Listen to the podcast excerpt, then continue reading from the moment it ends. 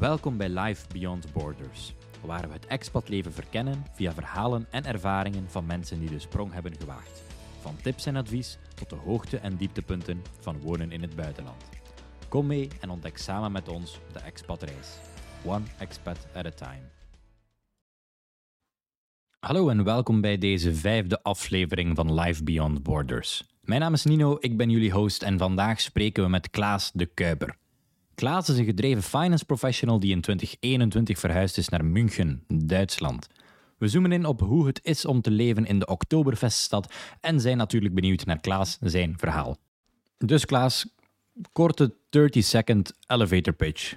Wie zijt jij? Wat doet je? Waarom zijt hier vandaag aanwezig? Ja, dus ik ben, ik ben Klaas de ik ben ondertussen 25 jaar. Um, ik kom oorspronkelijk uit Westerlo, Vlaanderen. En ik heb mijn studies gedaan, bank en verzekering in Thomas Morgeel. Uh, een tweede bachelor gevolgd in Gent, aan de Hoogent, International Business. Tijdens mijn studies heb ik Erasmus gedaan in Helsinki. Um, en dan na deze Erasmus-ervaring eigenlijk besloten om, om in het buitenland te blijven hangen. Wat dus volgde in een, een, stage in München en dan uiteindelijk nu mijn job in, in Swiss Re, een herverzekeringsbedrijf in München. Ja. Alright, bedankt voor de introductie, Klaas. Zo weten de luisteraars ook wie er vandaag te gast is in de Live Beyond Borders podcast. Klaas, je zegt bank en verzekeringen te hebben gestudeerd. Van waar jouw interesse in finance? Goh, ik heb, ik heb tijdens, mijn, tijdens, mijn secundaire, uh, tijdens secundaire school ook economie gedaan. Um, en dat, dat, dat, dat, was altijd interessant voor mij. Altijd een heel interessante richting. Zo'n beetje hoe dat economie werkt, de beurs, bankwezen. Um, dus dat heeft me dan een beetje gedreven om, om die studie te volgen. En dat bleek dan uiteindelijk niet de slechte keuze, want ik vind het nog altijd geen saaie industrie, waar dat veel mensen misschien zeggen van oei, dat is toch saai. Voor mij helemaal niet. Ik vind het heel interessant. En uh, de job dat ik doe sluit daar heel mooi bij aan eigenlijk. En was het tijdens uw studies ook altijd al het plan om naar het buitenland te verhuizen? Tijdens mijn studies nog niet. Um, toen had ik nog een beetje het idee van, oh, ik, ik woon hier in de dorp en ik zou heel graag in de dorp blijven hangen. Het was eigenlijk pas na mijn Erasmus-ervaring in Helsinki dan, dat ik zoiets had van, oh, eigenlijk zo het buitenland, andere mensen leren kennen, nieuwe ervaringen, nationaliteiten. Uh, dat een beetje de interesse heeft gewekt om naar het buitenland te verhuizen en te gaan werken. Ja, en, en daar is dan de eerste interesse ontstaan, zeg maar. Ja, inderdaad, inderdaad. En hoe was uw Erasmus in, uh, in Hel Helsinki, was het, hè? Helsinki, ja. Oh, geweldig.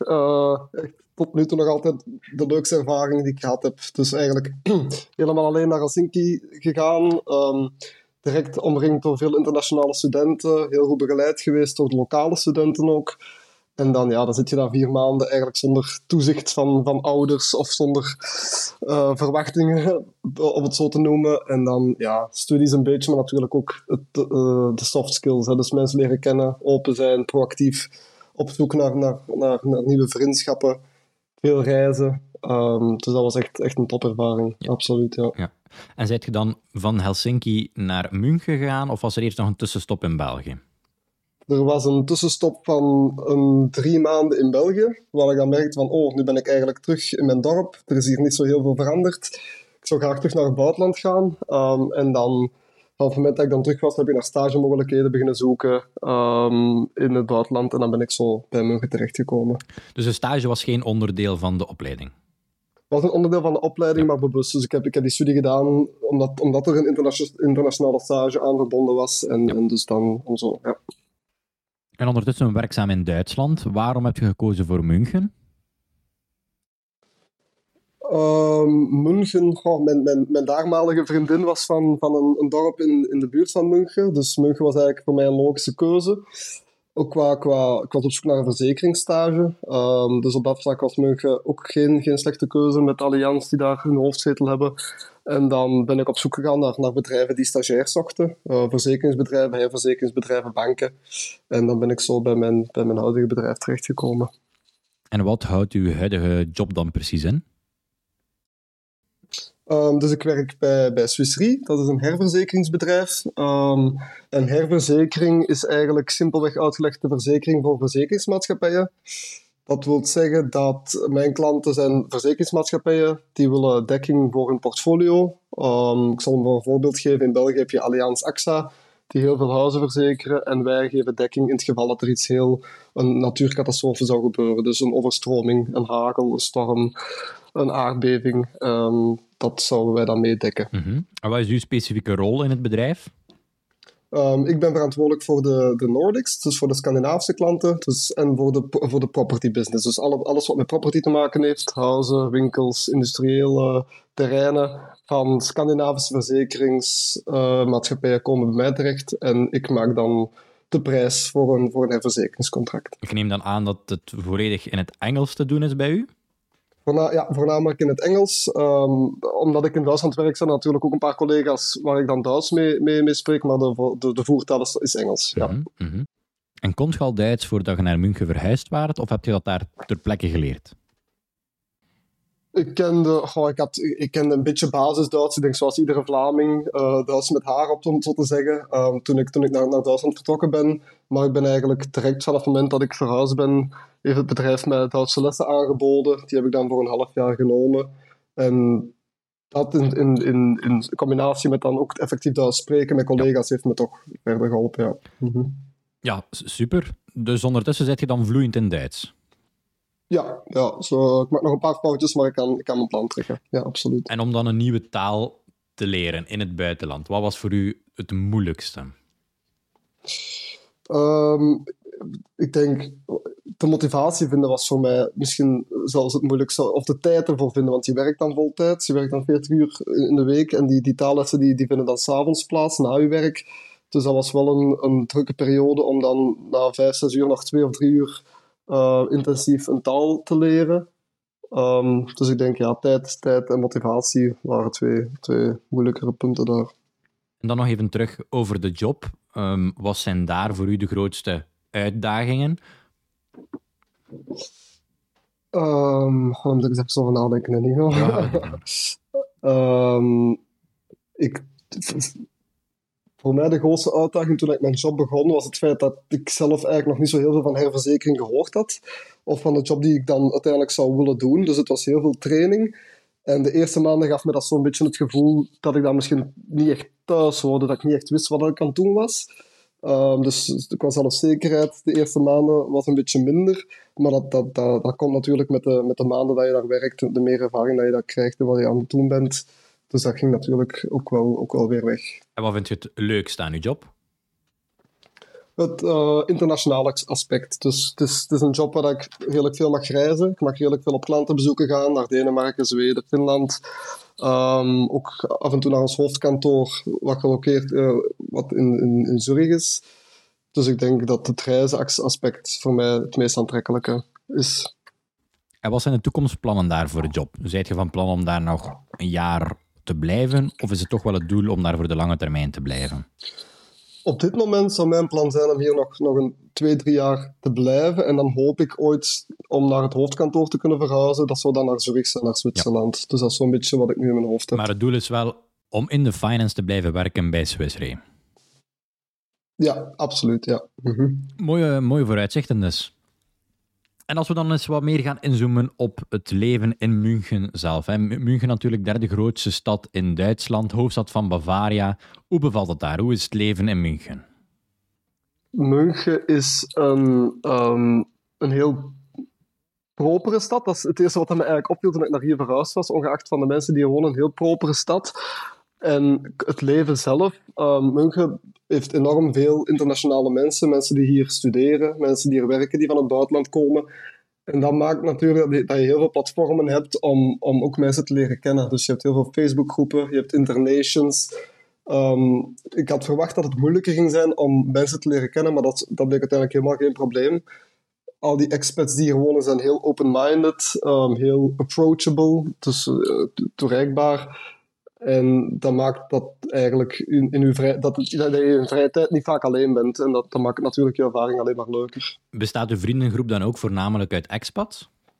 Ja, absoluut. Eigenlijk voor 99% expats. Ik heb misschien drie of vier Duitse vrienden in mijn vriendenkring. En de rest zijn allemaal mensen van verschillende landen. Ja. En hoe heb je dan in het begin aangepakt, zeg maar? Zijt je dan ik zeg maar iets op een Facebook-event voor expats en daar naartoe gegaan en random mensen beginnen aanspreken? Of hoe was die eerste, hoe heb je vrienden ontmoet? Ehm, misschien een, een, leuke anekdote. Ik ben, ik ben verhuisd op, op 31 december, dus net voor nieuwjaar. En ik zat toen al in de Facebookgroep uh, van Munich Expats. En daar zag ik een berichtje van: hey, uh, willen er mensen mee naar een karaokeavond gaan. Het zijn allemaal, allemaal uh, random mensen, mensen die elkaar niet kennen. Schrijf me maar in en dan gaan we samen, boeken we samen een tafel, gaan we samen karaoke doen voor nieuwjaar. En daar heb ik eigenlijk ja, heel veel mensen leren kennen. En dat, die mensen die ik daar heb leren kennen, zijn eigenlijk tot op de dag van vandaag nog altijd mijn, mijn vriendenkring. Alright, dat is wel, wel leuk, hè? U, u, een van uw eerste dagen tot, tot en met nu. Uh, leuke manier om, om die vrienden te maken. Absoluut, absoluut. Ik, denk dat het ook heel belangrijk is. Dat je, want ik denk dat de grote stap is als je naar een ander land verhuist, is misschien schrik voor eenzaam te zijn. En als je, jezelf dan direct zo'n beetje kan omringen met mensen die toch ook dezelfde problemen of, of challenges hebben, um, dat, dat doet toch heel veel. Dat maakt toch een groot verschil. Ja, en gaat je nog regelmatig terug naar, naar België? Uh, ik probeer zo twee, twee, drie keer per jaar naar België te gaan. Um, niet al te veel, maar zo een goede dag te zeggen tegen oude ja. vrienden. Natuurlijk familie, ouders. Ziet je dat dan een beetje als vakantie? Toch wel, toch wel. Dat is, wel, dat is ook het leuke eraan, dat je dan... Um, vorig jaar heb ik dan een auto gehuurd en dan zo de Ardennen een beetje rondgereden. Um, dat is dan ja, vakantie, want ik woon nu in München en dan is België, de, de Belgische ja. biercultuur, de restaurantjes, is dan echt een, een reis eigenlijk terug. Hè? Ja, dat klopt. Dat is bij mij ook zo het geval. En stel, ik kom u halen vandaag in München, ik steek u terug in België en je moet daar blijven. Wat gaat je het meeste missen aan uw huidige leven in het buitenland? Ik denk het feit dat ik in, België, in het dorp waarvan ik kom, is, blijft alles redelijk lang, het blijft alles hetzelfde. Daar verandert niet zo heel veel. En ik denk zo die, die verandering in mijn leven, de nieuwe mensen dat ik leer kennen, mensen dat dan eigenlijk uit mijn sociale kring gaan, ik denk dat ik daar heel hard zou missen.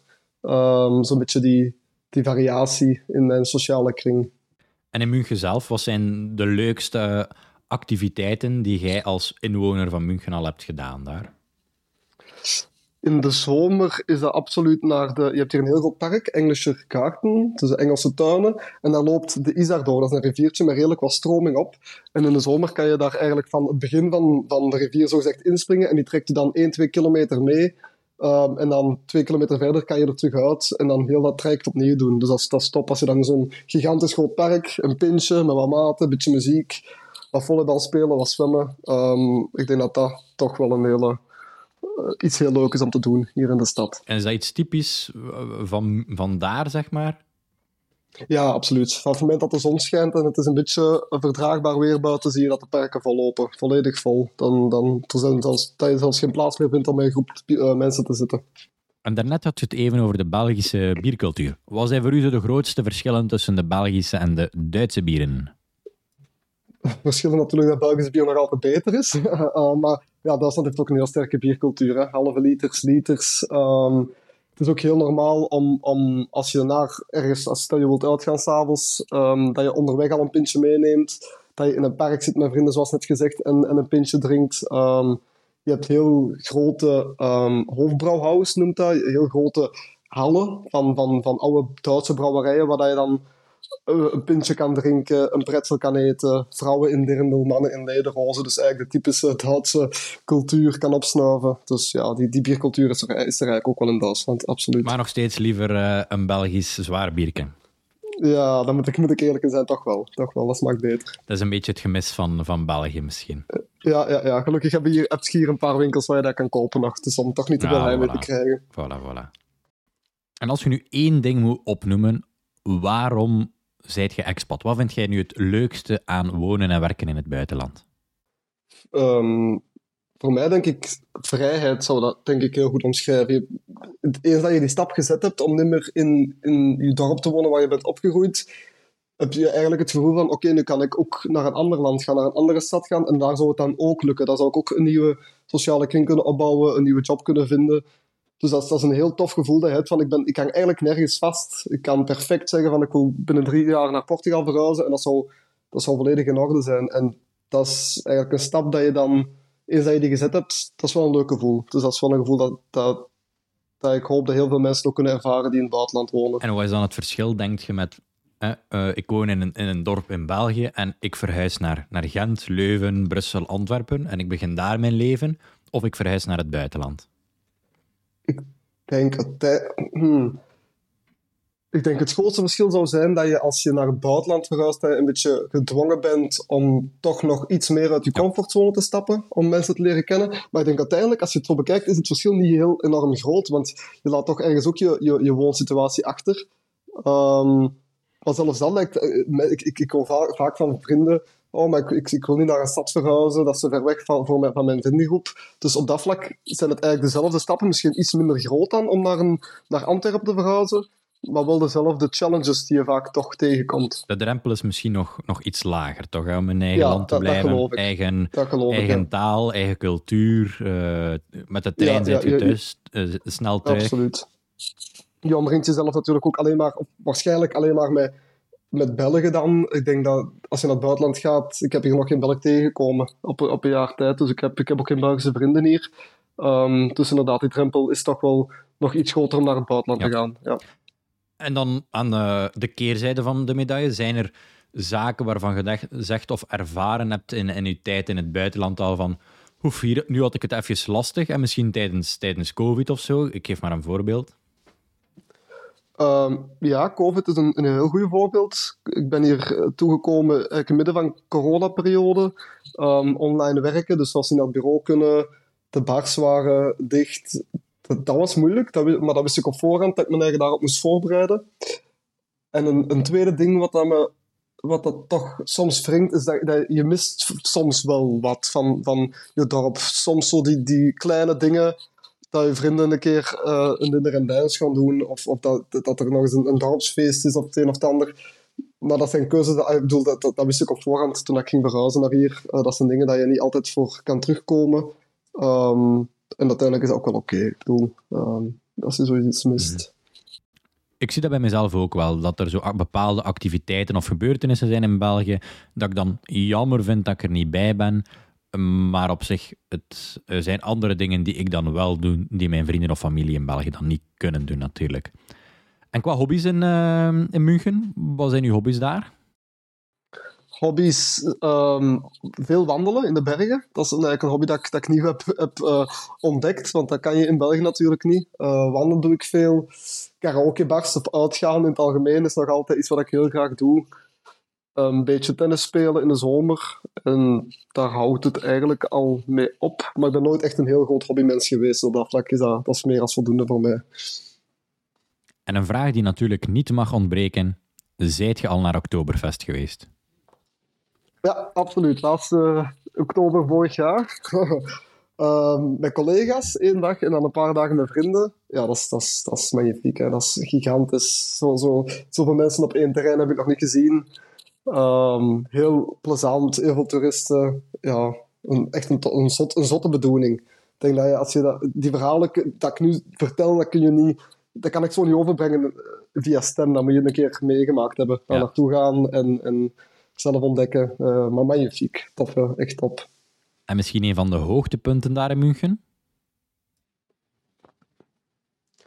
Um, zeker, een van mijn, nee, zeker een van mijn hoogtepunten in München. Absoluut. Ik ben ook, uh, wat je in München ook hebt, is hier, je hebt hier uh, de Allianz Arena, Bayern München, uh, die hier spelen. Dus ik ben daar ook al een paar keer naar een match gaan zien. En dat is natuurlijk ook magnifiek, zo'n een, een vol stadion met 70.000 man. Maar ik denk qua hoogtepunten zal Oktoberfest toch, toch zeker in de top 3 staan. Ja. Een andere vraag dan. Wat zou uw advies zijn aan studenten die aan het overwegen zijn om eventueel naar het buitenland te verhuizen daar te gaan werken in de finance-industrie? Iets wat ik uit eigen ervaring sprekende is om, om ervaring op te doen. Dus ook, ook via stages, niet per se direct via, via voltijdse job. Um, je hebt je studies gehad, dat is, daar, leer je zeker de basis die je nodig hebt. Um, maar het meeste, ik heb het meeste geleerd tijdens het werk, tijdens stages. Um, hoe dat je moet omgaan, ook met mensen, met collega's, projecten meedoen. Mee, mee dus ik denk gewoon ervaring opdoen. Ik denk dat dat een heel belangrijke is. Open-minded zijn, dus openstaan, proactief zijn. En, en ja, mensen durven aanspreken. Ook qua, qua netwerken, als je in een grote stad woont en werkt, je leert heel veel mensen kennen, ook in je privé, die vaak ook in, in, in toffe bedrijven werken. En dat netwerk een beetje behouden en, en, en mensen met elkaar in verbinding brengen. Ik denk dat dat die dingen samen wil maken, dat je, dat je, het, dat je het heel leuk kan hebben. En dat je ook op een korte tijd um, ja, veel mensen kan leren kennen, professioneel. En waarom dan toch specifiek in finance? Ik denk dat, ik denk, ja, in het, ik denk dat finance sowieso veel mogelijkheden biedt. Hè. Het is een enorme industrie, bankindustrie, verzekeringen, investmentbanking. Um, ik denk als je, als je geïnteresseerd bent in finance en je wilt graag een overkoepelende blik van hoe dat, hoe dat, hoe dat de banksystemen werken, de verzekeringsindustrie werkt, ik denk dat dan een job daarin, en dan zeker in het buitenland, waar vaak de hoofdkantoren zitten, heel verrijkend kan zijn. Um, wat je vaak hebt in het buitenland als je naar een hoofdkantoor gaat, is dat je ook heel veel kansen hebt intern om te groeien. Dus zowel op het gebied van uh, naar boven, naar promotie krijgen, maar ook andere locaties. Dat je een keer een rotatie kan doen in een ander land, in een andere stad, in een andere afdeling. Dus dat maakt wel dat je eigenlijk binnen één bedrijf heel veel verschillende kansen kan krijgen. En dat is natuurlijk wel tof voor mensen die die ambitie zouden hebben. En als je dan terugblikt op je eigen verhaal, zou je studenten dan aanraden, je bent afgestudeerd met een bachelor, ga ervoor, verhuis naar het buitenland, of ga toch eerst een master doen? Ik, ja, dat, zijn twee, dat is een heel goede vraag. Ik denk, ik denk dat de ontwikkeling die je voor jezelf hebt als je naar het buitenland gaat, de stap die je dan zelf moet zetten om dat te doen, maar dan ook um, de mensen die je leert kennen, de, de, skills die je opdoet op je werk, maar ook de soft skills om hoe je met mensen kan omgaan. Ik denk dat dat heel veel waarde kan creëren voor een jong iemand. Misschien, want ik heb zelf ook geen master gedaan, misschien zelfs nog meer waarde ergens. Dat je kan laten zien van, kijk, ik heb op, op 23-jarige leeftijd ben ik naar het buitenland verhuisd, ik heb die stap durven zetten, ik heb daar ervaring op gedaan in dat bedrijf. En dat heeft mij onafhankelijk gemaakt, heeft mij nog meer ambitie gegeven ergens. Dus ik denk dat dat toch heel, heel waardevol is voor jonge mensen. Uh, en zeker de moeite waard om, om te overwegen. En ziet je dan in uw netwerk in Duitsland de benefits van een master? Um, ziet je dat mensen meer een betere positie krijgen, sneller kunnen groeien? Um, lopen de mensen zonder master achter eventueel? Of zegt je, mm, het gaat toch volledig om de persoonlijke ontwikkeling?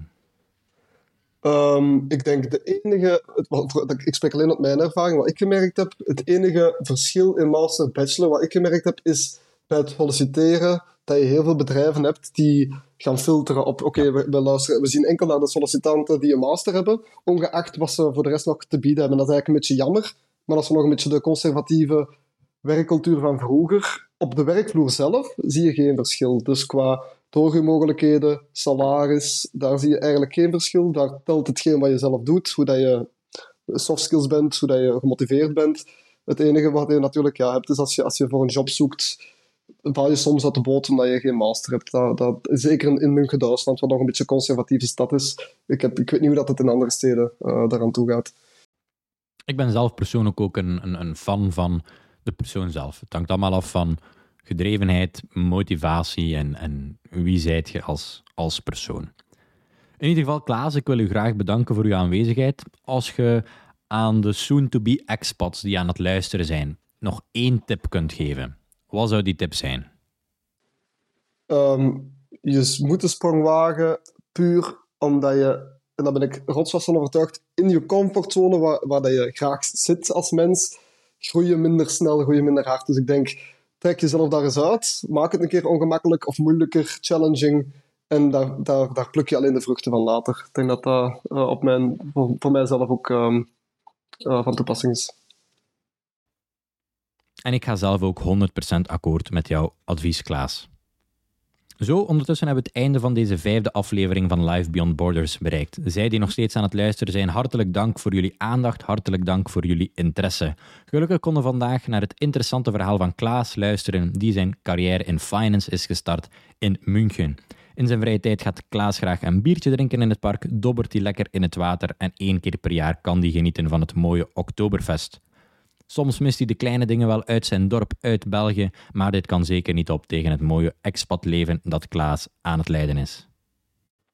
Volgende week zijn we weer met een interessante aflevering waar we deze keer twee mensen gaan interviewen. We gaan aan het praten met Stefan en Hidde over de voor- en nadelen van een traineeship en een stage in het buitenland. Graag doe ik ook nog een warme oproep. Ken jij Nederlanders of Belgen in het buitenland? Laat het me zeker weten, zodat we ook hun interessant verhaal kunnen delen met de wereld. Dit was het voor deze aflevering van Life Beyond Borders. Bedankt voor het luisteren. We hopen dat u heeft genoten van deze verhalen en ervaringen. Tot volgende week bij een nieuwe aflevering waar we samen de wereld verkennen.